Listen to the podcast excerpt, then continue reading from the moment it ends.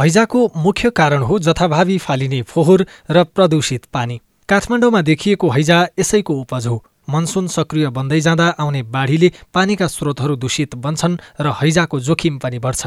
बाढीको प्रभाव तराईमा अझ बढी हुने भएकाले वर्षायाममा स्वच्छ खानेपानीको सङ्कट हुने गर्छ।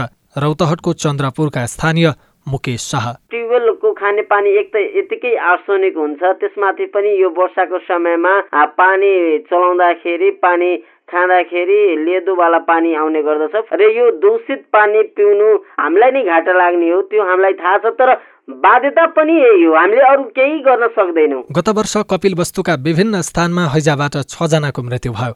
तेह्र सयजना भन्दा बढी बिरामी परे।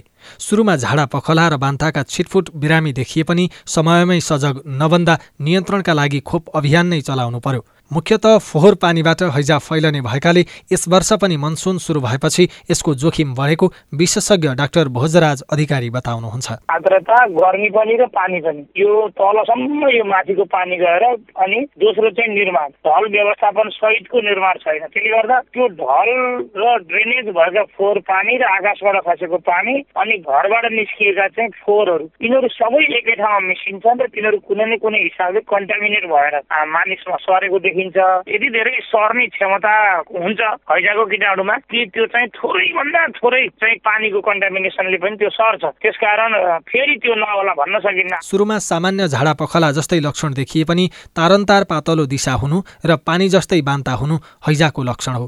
यसले शरीरमा पानीको मात्रा कम गराउँछ र मांसपेशी बाउडिन थाल्छ। गर्मी र वर्षातको समयमा पानीको स्रोतमा हैजाको जीवाणु मिसिँदा पानी दूषित हुन्छ र त्यस्तो पानी प्रयोग भएको खानेकुराले मानिसमा यो रोगको संक्रमण हुन सक्छ।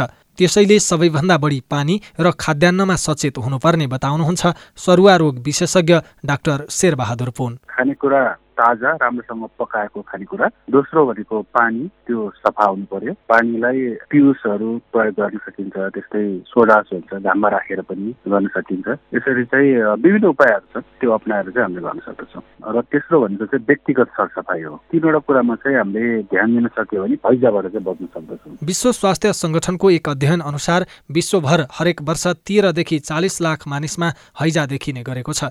जसमध्ये एक्काइस हजारदेखि एक लाख त्रिचालिस हजारसम्मको मृत्यु हुन्छ। समयमै उपचार नपाउँदा केही घण्टामै ज्यान जान सक्ने हैजा जस्तो सरुवा रोगबाट सामान्य सजगता अपनाए पनि बच्न सकिने चिकित्सकहरू बताउँछन्। अविनाश आचार्य सिआइएन काठमाडौँ।